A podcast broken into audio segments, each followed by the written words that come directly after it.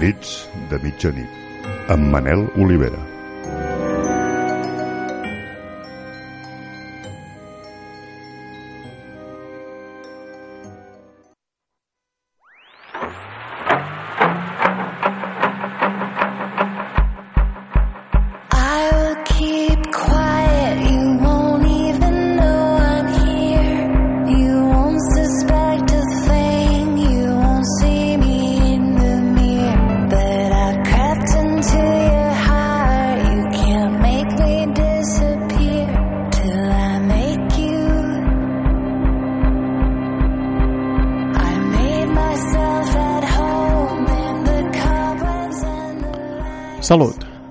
Vespre, aquells qui ens escolten a aquestes hores de la nit. Benvinguts un cop més a Crits de mitjanit. Un programa que us vol descobrir la terror i la por i vol que no pugueu dormir o que, si ho feu, tingueu una pila de malsons. You'll never know what hit you.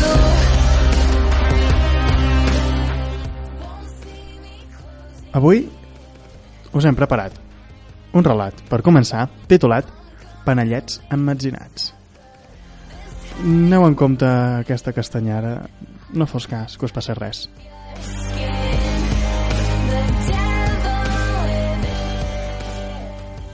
Després continuem amb el documentari i parlarem sobre els sabats. Què són? De què estan fets? Qui hi va? I com actuen els seus components? No donarem més pistes.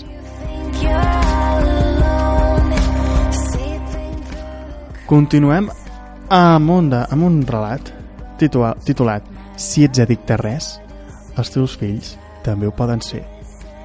Aneu en compte amb les vostres addiccions.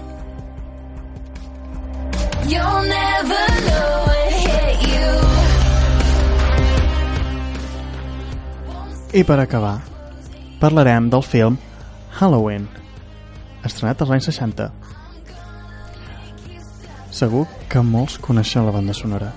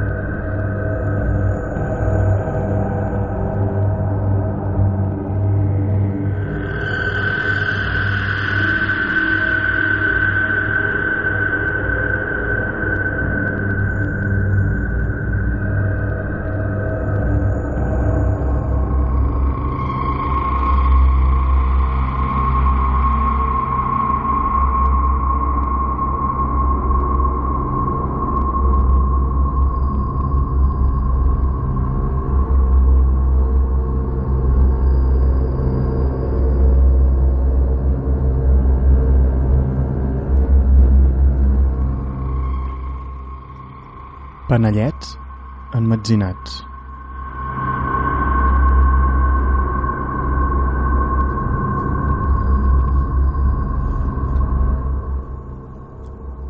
Aquesta castanyada no menjarem panellets. No després del que va passar l'any passat. No quan la meitat de les famílies del poble encara passen el dol. I cada setmana veig bressols i llits matrimonials amb els cubells d'escombraries. Són recordatoris cruels de les pèrdues que van patir. Recordatoris que la dolor continua aquí. I fins i tot que les ferides no s'han pogut curar per alguns.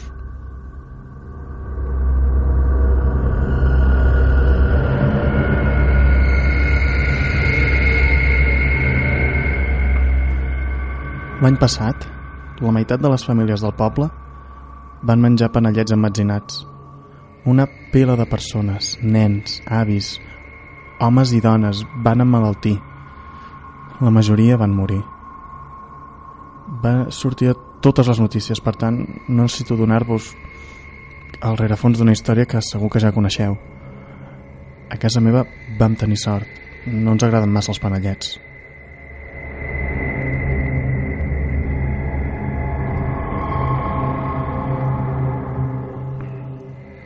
Recordo el meu torn a l'hospital quan els primers afectats van començar a aparèixer.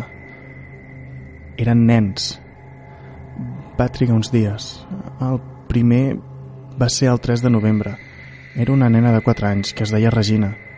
Li costava respirar. Al començament pensàvem que era una reacció al·lèrgica, però no funcionava cap dels tractaments.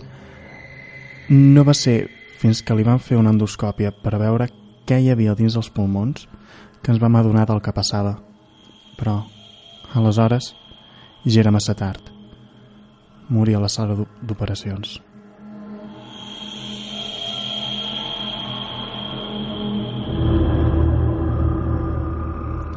Tres nois més van arribar aquella nit.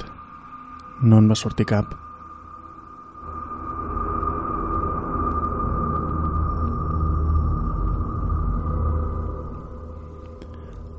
El dia següent, la gent començava venint massa.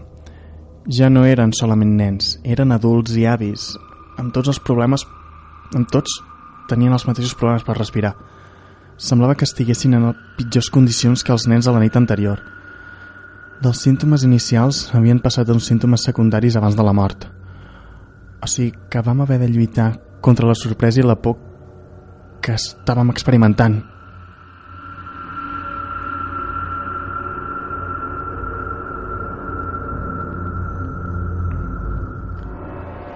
Els representants de la Conselleria de Salut van arribar poc després que la desena persona traspassés. Van ser capaços de rastrejar ràpidament la causa de la malaltia i van determinar que havia estat el distribuïdor d'ametlles local. El negoci va ser clausurat. Els amos encara es troben envoltats de denúncies i judicis per la negligència i la negativa a acatar les mesures de protecció apropiades per als productes.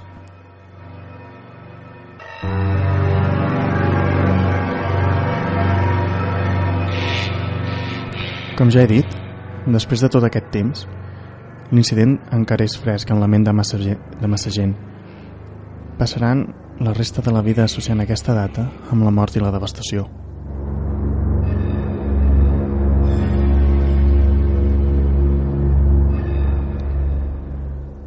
Aquest any ningú no farà panellets, ni les botigues s'han atrevit a vendre'n,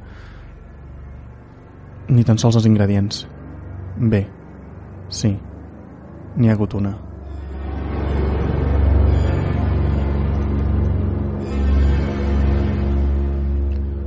Una família xinesa que va reobrir el supermercat aquest agost. No sabien la tragèdia que havia passat l'any passat. Quan s'acostava la castanyada, van començar a anunciar els productes amb tota mena de luxes, amb total normalitat. Van fer-ne una secció a part, juntament amb altres coses de la festa. Fantasmes, bruixes, morts, castanyeres, aranyes... Un parell de veïns va anar a veure'ls el dia següent i a explicar-los amb delicadesa allò que havia succeït l'any anterior. Tot el que havia posat, tot el que havien posat va desaparèixer el dia següent.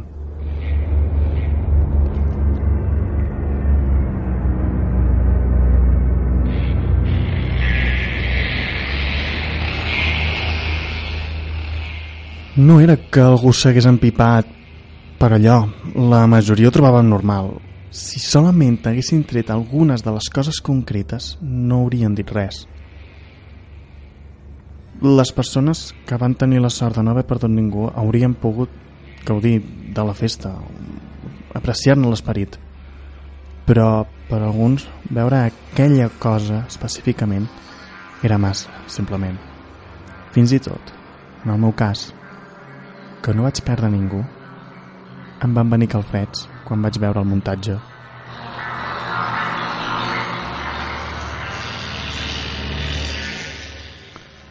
Em va fer recordar aquella nit del 3 de novembre quan va arribar la Regina. Recordo la sonda baixant pels pulmons. Recordo com vam restar mirant la pantalla amb una combinació de terror i fascinació.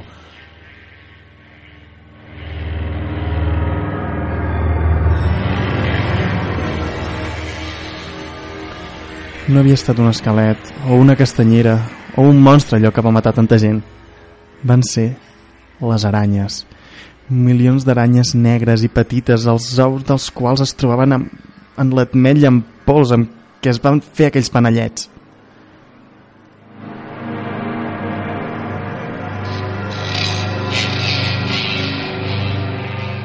Els nens, que s'havien asfixiat abans que les aranyes sortissin dels, pul dels pulmons, van ser els més afortunats.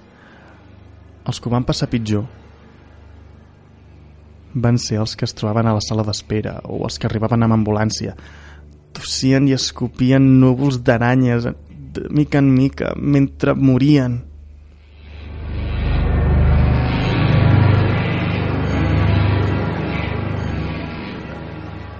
Els xinesos del supermercat es van disculpar tants cops després que ho sabessin. Era obvi que estaven en xoc. Era quan vaig, ara, quan vaig anar a comprar al supermercat. Veig la cara de terror d'algun d'ells mentre mira una cantonada a terra. Ja sé que la causa.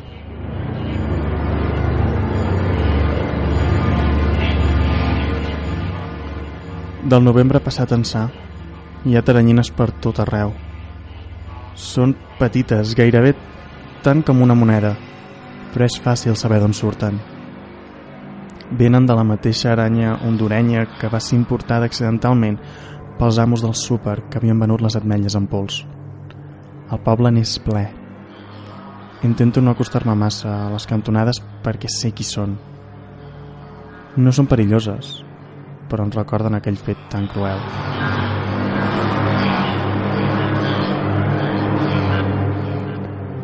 No he tornat a tocar res que portés ametlla en pols. Em fa pànic haver d'utilitzar la sonda quan treballo a la sala d'emergències. I gairebé cada nit somio amb la nit en què tot va començar, solament per a despertar espantat, amb la sensació d'aranyes que se'm mouen dins els pulmons i les foses nasals.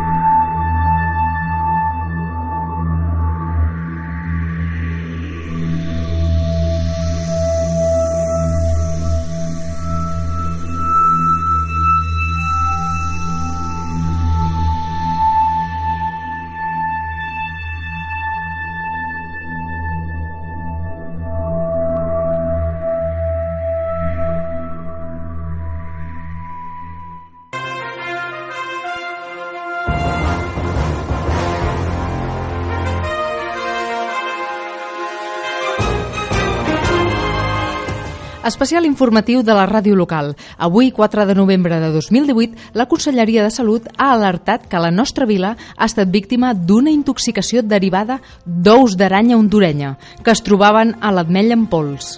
La intoxicació ha estat causada per l'ús d'aquest producte en l'elaboració de panellets que la majoria de la població ha ingerit. La Conselleria i els afectats asseguren que prendran mesures legals contra aquesta negligència.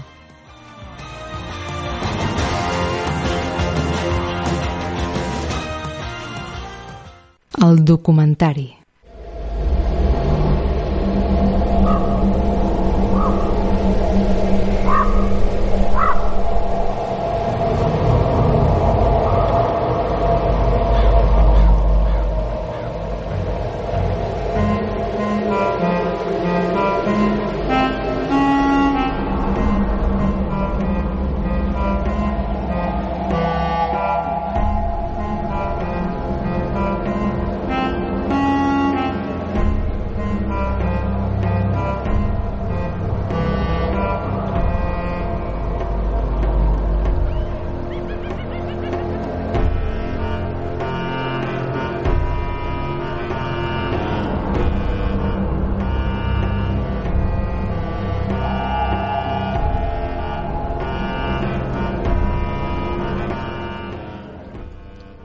Les bruixes, les bruixes, encenen el foc. Quan la nit és negra i tothom ja dorm. Dansen i canten i criden ben fort, ensenyant les dents, tot passant pel foc. Són les bruixes, són les bruixes i els seus negres gats, amics de la lluna i dels ratpenats.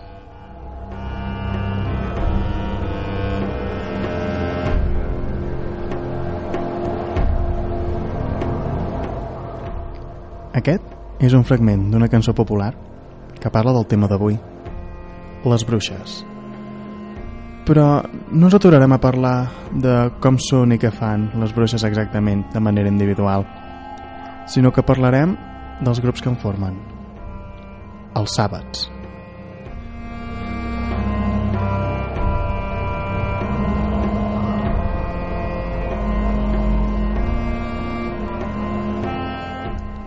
Un sabat és un grup de bruixes que practiquen la bruixeria. Té aquest seny a causa del nom que rebien les reunions en què les bruixes celebraven rituals per adorar Satanàs, qui apareixia en forma de mascle cabró.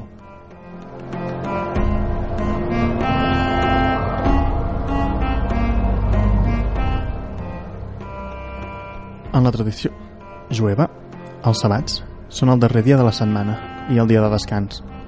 A més a més d'això, són un dia d'unió amb Yahvé, el déu jueu, convertint-se així en el dia més sagrat de la setmana. Segurament per això, els adoradors del dimoni el fan servir, com a mode de rèplica i burla l'Altíssim. Això va servir per acusar-los, els jueus, d'adorar el diable i excusar-ne la persecució.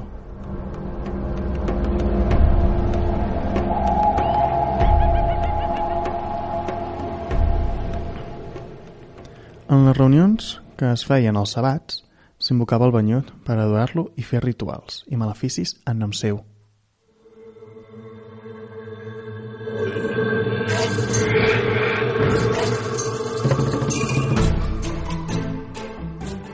Diuen que el dimoni apareixia en aquestes celebracions, com ja hem dit abans, en forma de mascle cabró.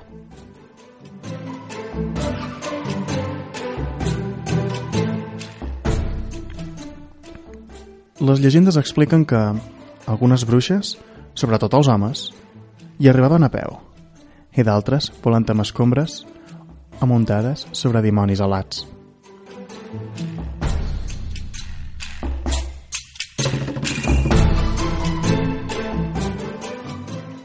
La primera fase d'un sabat era la convocació.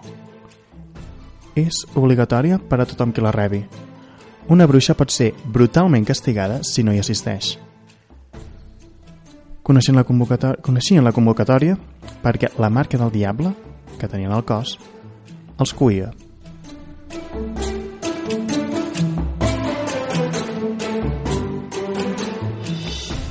La segona fase era l'homenatge al diable.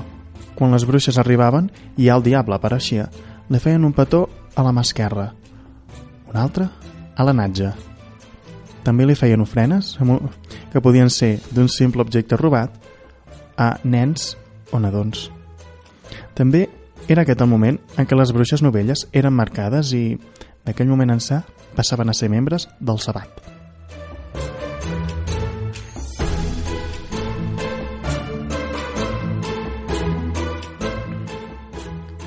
La tercera part era el banquet. Hi ha dues teories. Una d'elles afirma que s'hi menjava carn humana, especialment de nen. Podrien ser fins i tot familiars de les bruixes o també desconeguts.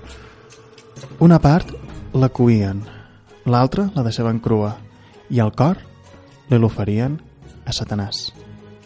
L'altra que s'hi menjaven plats especialment per estimular els sentits i per a preparar les bruixes per la resta de la celebració. No sabem quina és l'autèntica, però esperem que en sigui la segona.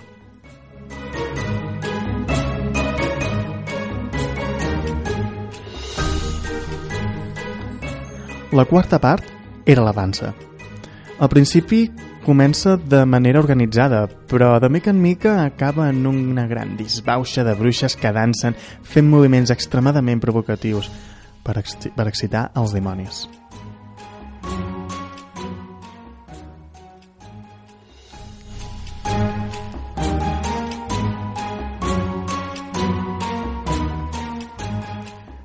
La cinquena i darrera part és l'orgia. El diable primer fornicava amb les bruixes i sodomitzava els bruixots. Després, tots començaven a copular sense tenir en compte ni gènere ni parentesc. Com més grotesc fos l'acte, més ben vist era per Lucifer.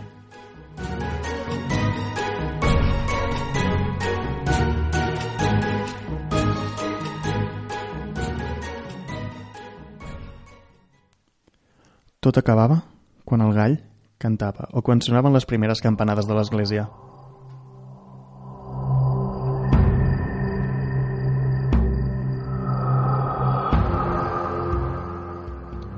Cal dir que si ningú accidentalment pronunciava el nom de Jesús, el sabat desapareixia. Com a conseqüència, a la següent reunió era greument castigat.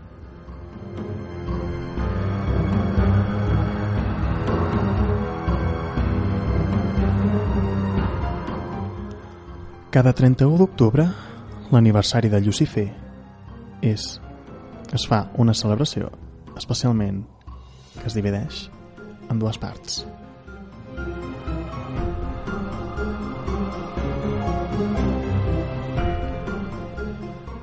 En la primera part, les bruixes es confessen si havien entrat en una església, si havien anat a missa, o també confessaven els mals que podrien haver fet però no van causar.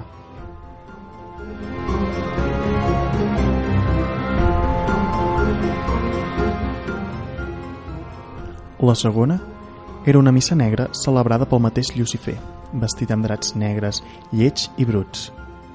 Aquesta missa era igual que una missa cristiana.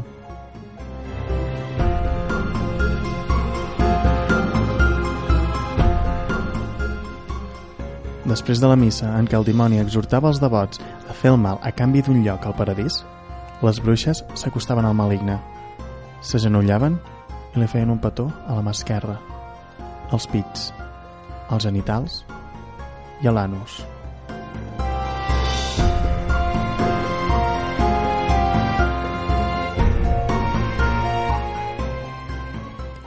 Quan arribava el moment de la consagració, Satanàs alçava quelcom semblant a una sola de sabata amb la seva imatge i deia «Això és el meu cos». I tot seguit, sabonsà un calze de fusta fosc i deixat.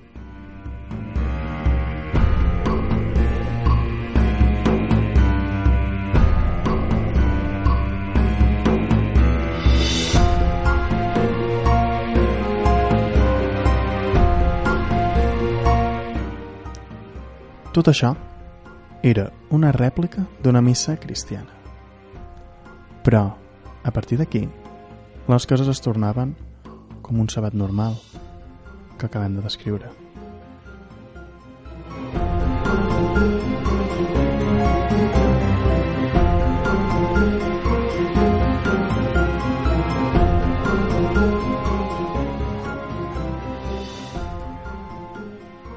Per acabar, comentarem que en aquestes reunions no solament hi assistia el mateix Satanàs, sinó també altres dimonis i esperits malignes que hi participaven i prenien part en el ritual.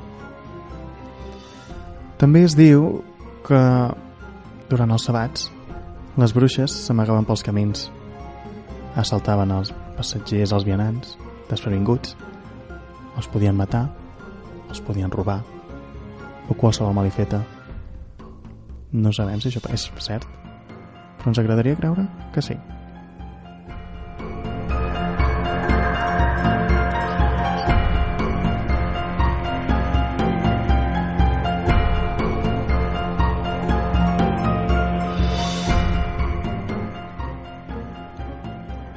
Escoltes crits de mitjanit.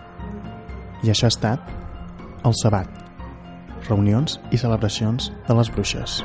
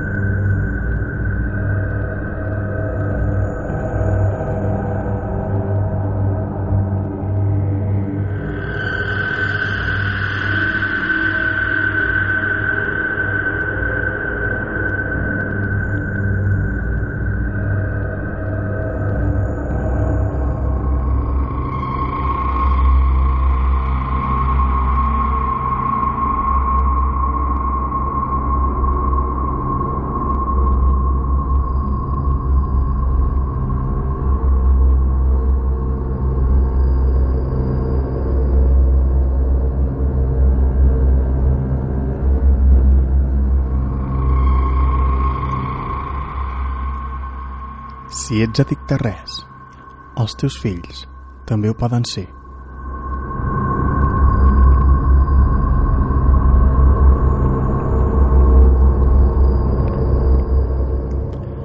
Sempre he sentit com si tingués un forat dins meu. Un forat que simplement no puc complir. I això és perquè els pares me'l van deixar.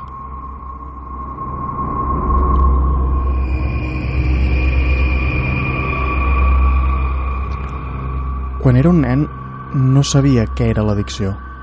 No sabia què volien dir les ratlles vermelles, llargues, a l'interior de l'avantbraç de la mare, ni per què es desmallava després que una ratlla fresca li aparegués.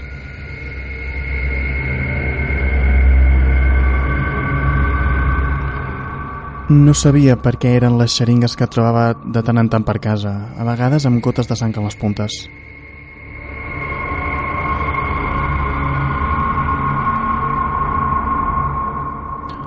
Però, a mesura que creixia, vaig descobrir més sobre els seus hàbits. Vaig descobrir per què el pare va deixar que tot continués. Fins i tot la hi va animar, tot i saber que destruïa la família. A vegades passava molts cops en un sol dia, tractant d'alimentar-ne l'addicció, l'entull. Suposo que no els puc pas culpar.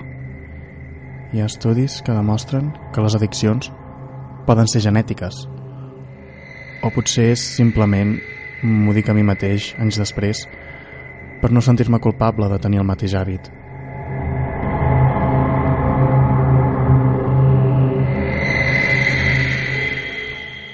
Quan anava a l'ESO, recordo haver vist alguns nois fent-ho en un racó fosc en una festa i recordo haver-me sentit confús perquè ho feien malament. És al revés, vaig dir, observant com s'injectaven a si mateixos després d'haver lligat la soga al voltant del braç perquè les venes s'inflessin.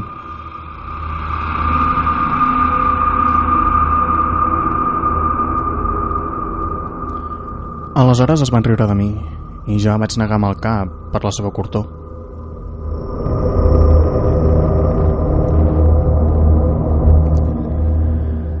Vaig començar a consumir aquell any, igual com havia après dels pares quan ho feien perquè pensaven que no els veia. Vaig tenir uns quants ensurts. Una amiga meva gairebé és mort, però al final no va passar res dolent, tret que havia acabat enganxant-m'hi.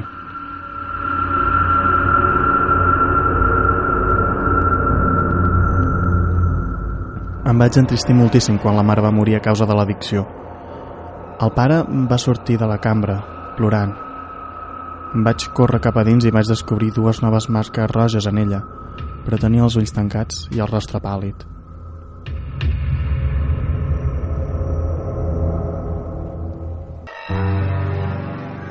Vaig sentir un tret minuts després, quan el pare va acabar amb la seva pròpia vida i va caure sobre la catifa.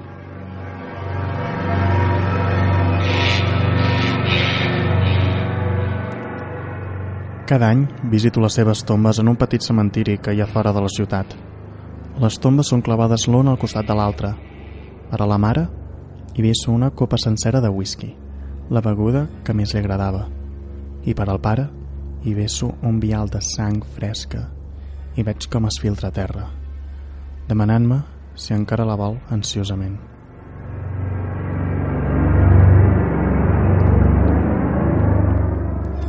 Sempre he sentit com si hi hagués un forat dins meu.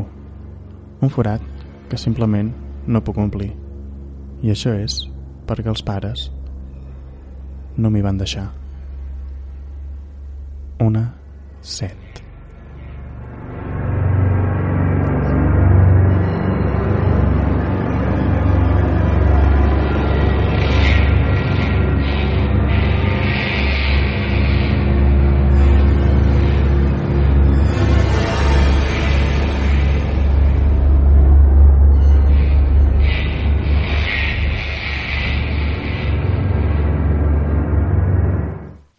Cultura tenebrosa.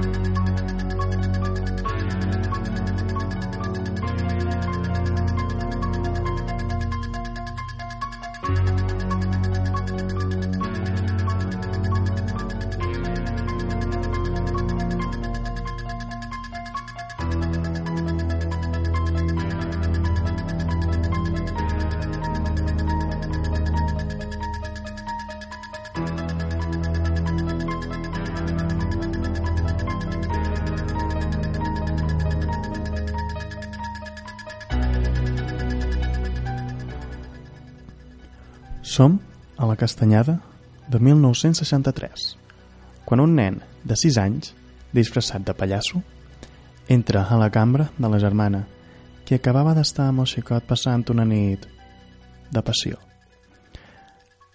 I el nen, amb un ganivet de cuina, l'apunyala fins a la mort. Dissortadament per al nen, que es diu Michael, quan intenta escapar, és enxampat pels pares, quan tornaven a casa, i és tancat durant 15 anys en un psiquiàtric.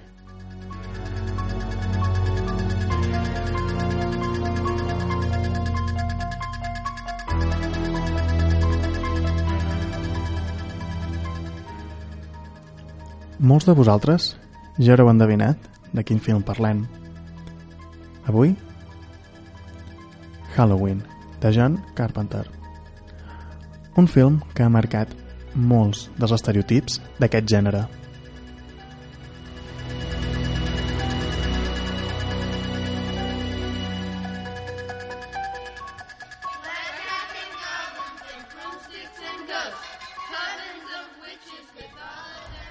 Continuant amb la història.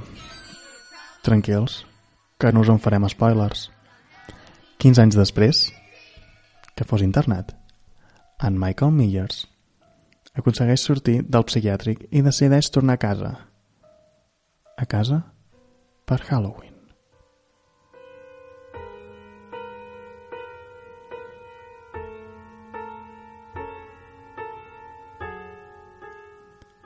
Ja té 21 anys.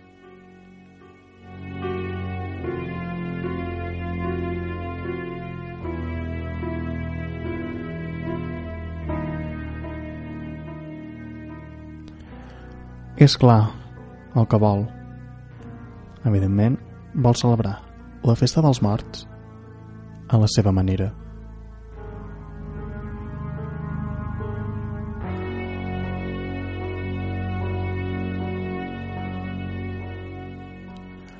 Halloween és un film de terror independent estrenada l'any 1978 i dirigida, com hem dit abans, per John Carpenter. El film va ser la primera entrega del que esdevindria una gran franquícia amb set seqüela, seqüeles i dos reinicis.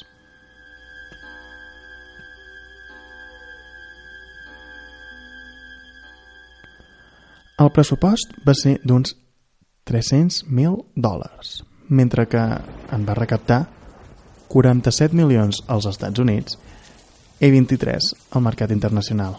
En un total van ser uns 70 milions. És un dels films més rentables de la història.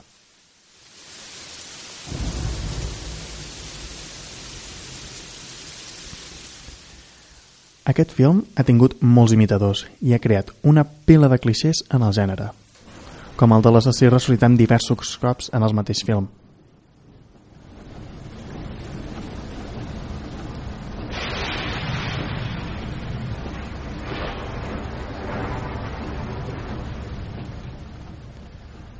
Contràriament al que pot pensar la gent que no l'ha vista, és una pel·lícula amb molt poca violència gràfica. Gairebé no hi apareix la sang.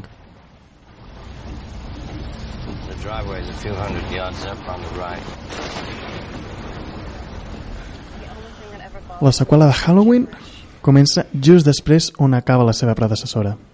La intenció era acabar amb la relació que té en Michael amb la Laurie Strode.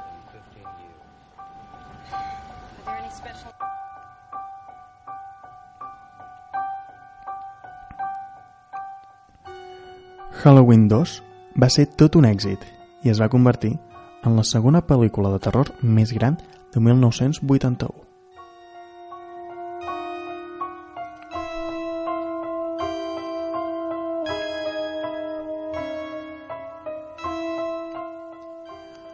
Curiosament, en la tercera part, Halloween 3, Season of the Witch, no apareix en Michael, fet que l'allunya de la trama original i causa que no tingui gaire èxit.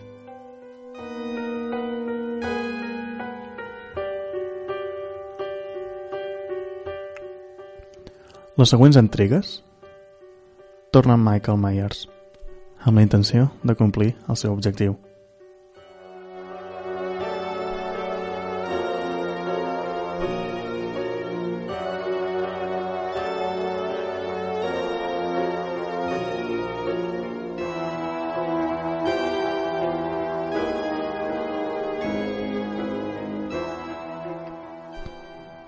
Hem de dir que les seqüeles sí que, sí que compten amb més violència que l'original.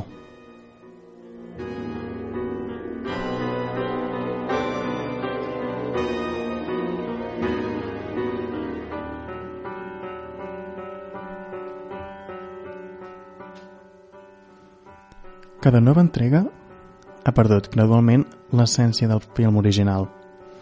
Tot i així, us animem a gaudir de tots i cadascun d'aquests films.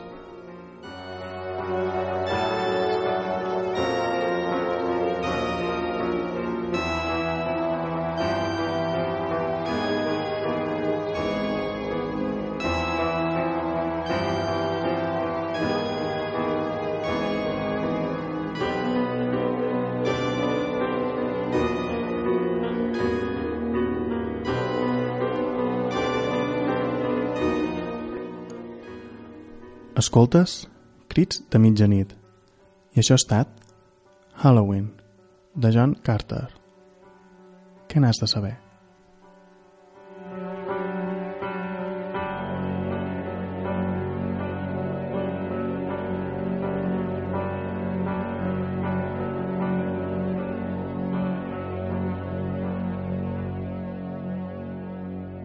Judith Myers. Myers.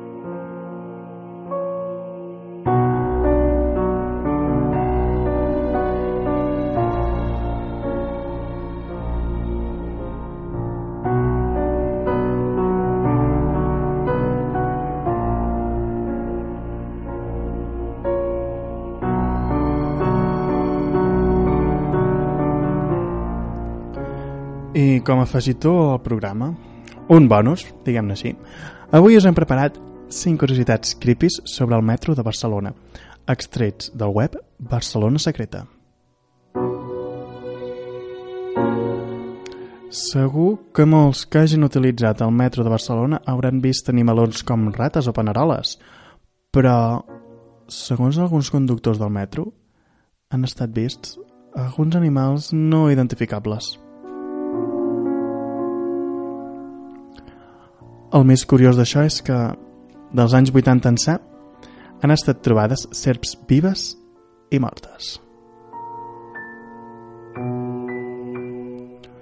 Esperem que cap d'aquests animals no aparegui per cap parada amb gent.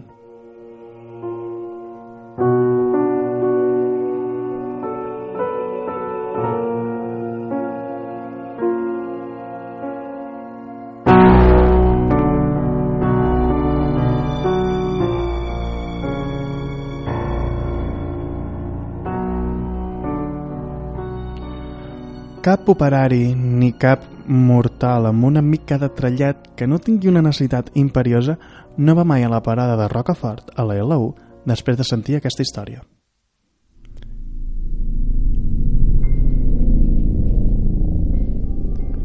Fa alguns anys es, va es van produir successos estranys en aquesta estació.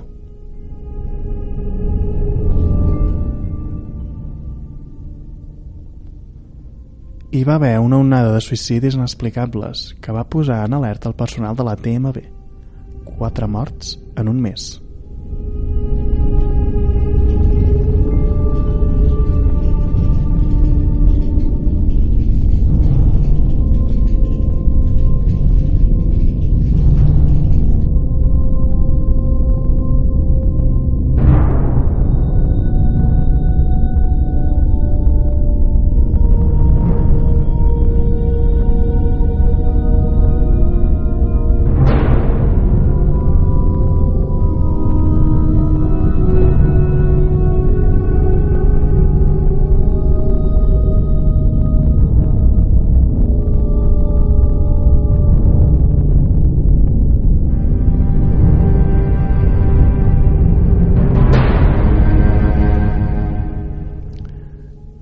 Després de l'estrany esdeveniment, diversos caps de l'estació van assegurar que pels monitors de vigilància de l'estació es podien veure persones caminant entre les vies. I, tot i que el darrer tren ja havia passat i l'estació ja era tancat al públic. el més inquietant era que quan anaven a inspeccionar el lloc no hi trobaven ningú.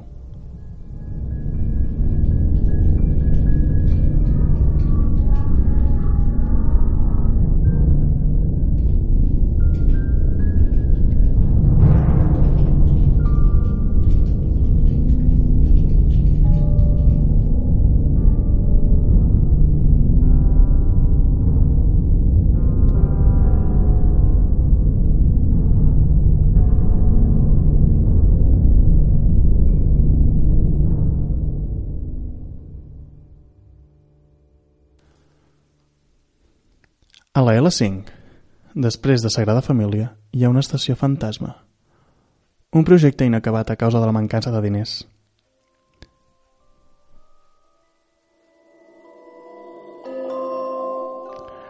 Aquesta estació s'hagués anomenat Gaudí.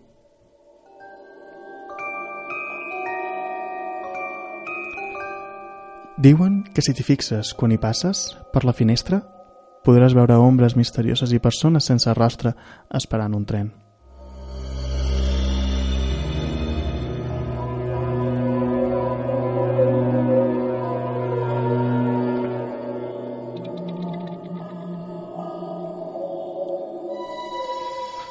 Tornem a parlar dels anys 80.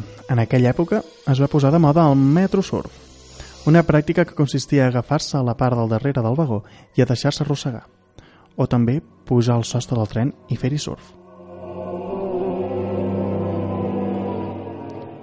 Van ser moltes persones les que van morir atropellades o electrocutades. Dues d'aquestes morts es van produir a l'entrada de la Via 2 de l'estació Catalunya.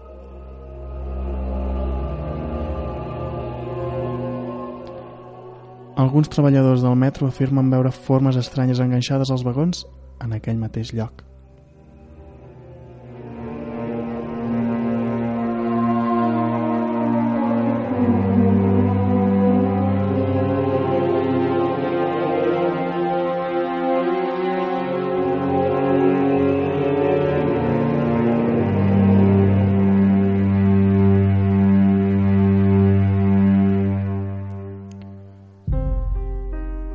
Aquesta curiositat tanquem aquesta secció extra.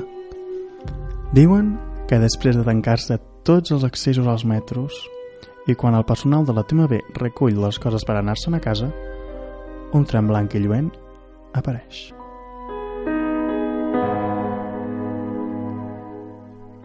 És un model que es va deixar d'utilitzar fa molts anys i passa per les estacions i els túnels abandonats.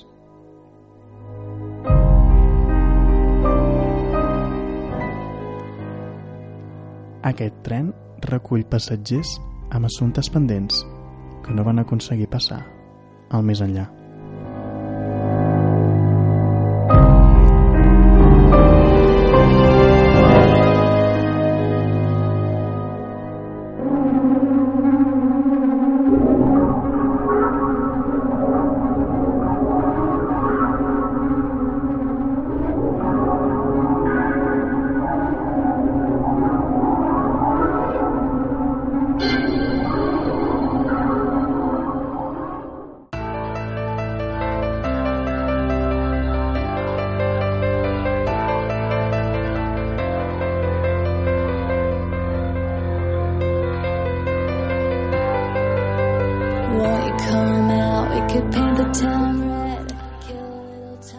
I amb el film Halloween acabem el programa. Bé, Halloween i també aquesta secció extra que us hem preparat.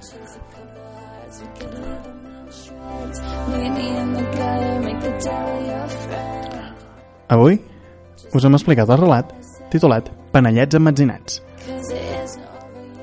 Aneu en compte aquesta castanyada, no fos cas que uns dies després us lleveu amb certs insectes dins els pulmons.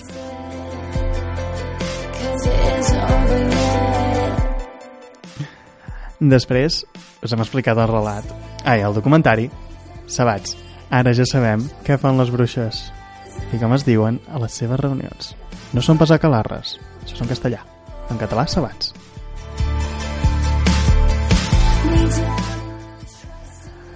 Després hem continuat amb el relat Si ets addicte a res, els teus fills també ho poden ser. Anem en compte perquè això no solament ho pot passar als vampirs.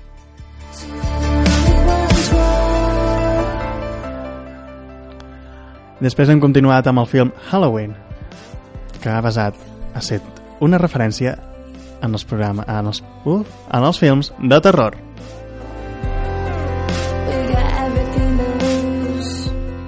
I hem acabat el programa amb aquesta secció especial sobre curiositats del metro de Barcelona. No sé vosaltres, però a mi ara em fa una mica més de respecte viatjar-hi.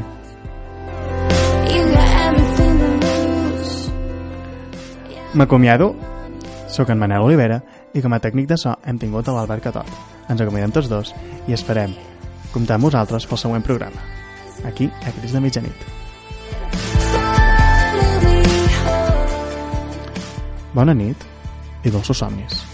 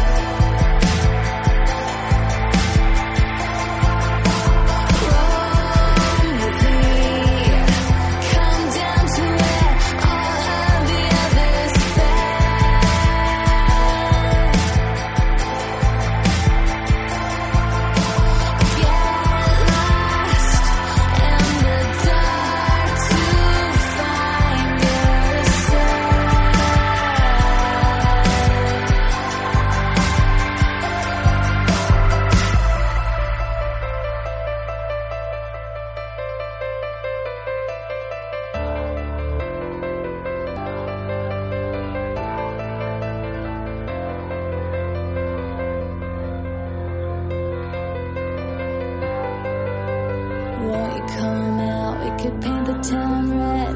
Kill a little time. You can sleep when you're dead. Cause it isn't over yet.